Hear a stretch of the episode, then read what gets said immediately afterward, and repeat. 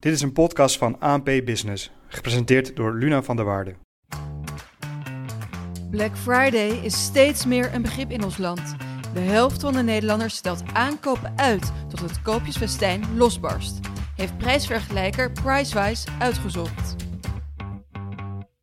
Ik spreek hierover door met Jelle Wieringa van Nobi4. Wil je jezelf kort voorstellen? Ja, natuurlijk. Um, zoals gezegd, ik ben Jelle Wieringa. Ik ben security advocate voor Nobi4. Uh, en uh, dat doe ik voor de regio Europa, Midden-Oosten en Afrika. Nobi4 richt zich eigenlijk op de menselijke factor in cybersecurity door het geven van trainingen, het vormen van gedrag van medewerkers en het bouwen van een security cultuur in organisaties. Ja, welkom. Black Friday wordt steeds meer een fenomeen in Nederland. En ik ga het niet met jou hebben, Jelle, over de laatste koopjes en de hoogste kortingen. Maar wel over uh, wat deze periode zo aantrekkelijk maakt voor cybercriminelen. Dus dat is ook direct mijn vraag aan jou. Waarom is deze periode zo aantrekkelijk voor cybercriminelen? Um, ik denk vooral als je kijkt naar de, de, activiteiten die cybercriminelen rond deze tijd doen, namelijk social engineering, oftewel het manipuleren van mensen. Dan is dat gaat allemaal over het manipuleren van emotie. En Black Friday is een emotiegedreven verkoopevent. Het gaat erom dat jij zo snel mogelijk de beste deals krijgt. En die heb je nodig, want de, de, de, feestdagen komen eraan. Dus ja, je moet je cadeautjes inslaan. Je wil wat geld besparen. Er zit urgentie achter. Um, en dat verhoogt eigenlijk de, de kwetsbaarheid van, van de mensen online. Nou, daarnaast zie je dat bedrijven die meedoen aan Black Friday, die willen ook zo snel mogelijk verkopen. Dus die willen zo min mogelijk drempels in hun aankoopproces maken voor die gebruiker om, om tegenaan te lopen. Die willen eigenlijk één klik uh, verkopen. Dat, dat is de deal. Ja, daar zitten dan wat haperingen in als, als het om security gaat. Uh, en dat maakt de mensen kwetsbaar. En voor cybercriminelen maakt het het erg interessant om die mensen dan aan te vallen. Ja, en heb je dan concrete voorbeelden van wat cybercriminelen uh, doen om zich als bedrijven voor te doen? Ja, het makkelijkste voorbeeld is natuurlijk phishing e-mails. Um, iedereen krijgt phishing e-mails. Als, jij, als je niet weet wat het is, open je spamfilter, je spambox in, in je e-mailaccount. Ze staan gegarandeerd in. En phishing is ook het meest gebruikte vorm van cyberaanvallen op, op het vlak van social engineering. En eh, het enige wat zij proberen te doen is, zij proberen te zorgen dat ofwel jij wat gegevens afgeeft, ofwel dat jij ergens op klikt. Als je ergens op klikt, gebeurt er op de achtergrond wat. Bijvoorbeeld wordt er malware geïnstalleerd of een virus geïnstalleerd bij jou. Als je gegevens achterlaat, kunnen zij die gegevens weer doorverkopen. Dus een voorbeeld wat we, wat we steeds vaker zien in Nederland, wat echt over is komen waar je uit Amerika, is een, een e-mailtje dat iemand krijgt van, uh, van Amazon bijvoorbeeld. Uh, in zijn e-mailinbox, koop nu. Nou, die persoon die klikt erop, er lijkt nog niks aan de hand. Maar vervolgens krijgen ze een Microsoft login portal te zien, waar jij je Microsoft account in moet geven. Voordat je dat doet, moet je nog wel even klikken op een captcha. Nou, die captcha, zodra je erop klikt, dan wordt die captcha goedgekeurd. Jij wordt doorgeleid naar een malafide site, waar jij je login en wachtwoordgegevens invult, die de, die de aanvaller aan de achterkant gewoon kan zien. Want daar is het zo om te doen, die accountgegevens vaak. Dus eigenlijk uh, zijn er twee uh, redenen waarop uh, cybercriminelen werken. Dat is het ene is gegevens verzamelen van een consument bijvoorbeeld. En het andere is eigenlijk een consument willen laten betalen. En hoe kunnen consumenten nou zo'n phishing mail onderscheiden van een echte mail met echte acties?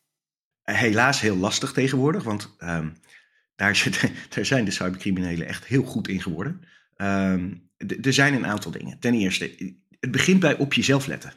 Want als jij urgentie voelt, dat is precies wat die cybercrimineel wil. Die wil dat jij snel ergens klikt. Dus bijvoorbeeld, hij zal een, een timer op de inlogpagina zetten van, nou, die ah, terugtelt. Dat creëert urgentie. En dat, ja, hij, zal uh, zeggen, hij zal misschien een phishing e-mail nog sturen. Die heb je ook heel veel. Joh, je wachtwoord is gehackt, verander je wachtwoord. Ook heel simpel, hè?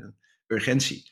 Um, en het gaat over iets waar jij om geeft, namelijk je wachtwoord. De meeste mensen snappen echt wel dat hun digitale uh, accountgegevens die zij hebben, dat die belangrijk zijn. Dat die toegang geven tot hun digitale leven, dat je die voor jezelf wil houden. Um, en zo is dat ook met, met alle Black Friday, Sinterklaas of wat dan ook uh, feestdagen. Daar wordt gewoon gretig misbruik van gemaakt. Nou, als je dan uh, die emotie hebt, dan is het eigenlijk alleen nog maar een zaak voor de, de, de cybercrimineel om de informatie uit te halen. Want je, je bent al bereidwillig om het te geven. En daar zit nou net de clue voor een gebruiker. Hoe kun je dat dan tegengaan? Nou, als je dat bij jezelf die emoties voelt. Uh, je voelt urgentie, je voelt angst. Uh, je weet niet helemaal waar het over gaat. Je bent aan het multitasken. Multitasken is killing. 2% van de mensen kunnen multitasken en de rest gewoon niet. Sorry. Dus ja, probeer het gewoon niet. Maar het kan wel gebeuren dat tijdens multitasken je op een, een linkje klikt waar je eigenlijk niet op wilde klikken. Dat noemen wij kritisch denken. Dus zorg ervoor dat je kritisch denkt, dat je goed nagaat bij jezelf hoe sta je er zelf in? Wat voel je jezelf? Word je ergens toe gedwongen of niet? En vervolgens kun je nog kijken naar de e-mail of naar de webpagina. Ziet die er vals uit? Ziet die er fout uit? Maar met hoe, hoe ehm, geavanceerd ze nu zijn, hoe mooi ze die websites kunnen maken, hoe makkelijk ze een Microsoft site na, uh, na kunnen maken, is dat niet meer voldoende. Je kunt niet alleen maar op de site kijken. En je zegt, oké, je kunt niet meer op de site kijken. Die cybercriminelen die zijn supergoed en de websites zien er supergoed uit. Hoe kun je het dan toch onderscheiden van het echte? Want blijkbaar mensen kunnen niet multitasken, wat je zegt. En ze klikken eventjes op een linkje en dan is die fout dus snel gemaakt. Ja, nou de grootste, eigenlijk de grootste uh, of de simpelste om te doen is kijken naar het webadres. Voordat je klikt op een linkje, hang gewoon even met je muis boven het linkje. Links onderin zie je, uh, als je op, op, je laptop of op je pc zit, want op een telefoon hebben ze in het design van je browser op je telefoon dat heerlijk wegbezuinigd. Security-wise jammer. Um, maar je kunt nog steeds links onderin je scherm zien waar de link echt heen gaat. En als je die niet vertrouwt, moet je het niet doen. Lees hem goed, van Microsoft, als je soft schrijft met een nul en jij leest er vluchtig overheen, ja, dan, dan ben je nog steeds een sjaak. Dat wil je nog steeds niet. Dus lees hem goed, maar URL's bekijken, zeker weten dat je ergens heen gaat, is de makkelijkste manier, denk ik, voor consumenten om uh, te zien of het, uh, of het een echte phishing e-mail is of een echte e-mail van een uh, organisatie. Ja, en je noemde net ook al heel eventjes snel, de feestdagen komen er ook aan. Zijn dat ook populaire momenten voor cybercriminelen om mensen slachtoffer te maken van bijvoorbeeld phishing mails? Ieder, ieder moment, cybercriminelen vinden ieder moment leuk, maar het is juist die extra hype die er in de sfeer hangt, die urgentie, um, het feit dat mensen willen echt iets kopen, dus ze zijn gedreven om het te doen zelf, die creëert gewoon een extra kans voor ze. Um, dus je ziet dat de activiteiten die normaal al heel hoog zijn, er worden gewoon heel veel phishing e-mails verstuurd. 70 tot 90 procent van cyberaanvallen begint met, een, met de mens. Dus dat is vaak een phishing e-mail of een QR-code mail of iets in die richting. Uh, je ziet alleen wel dat, dat met Black Friday schiet dat gewoon omhoog. Waarom?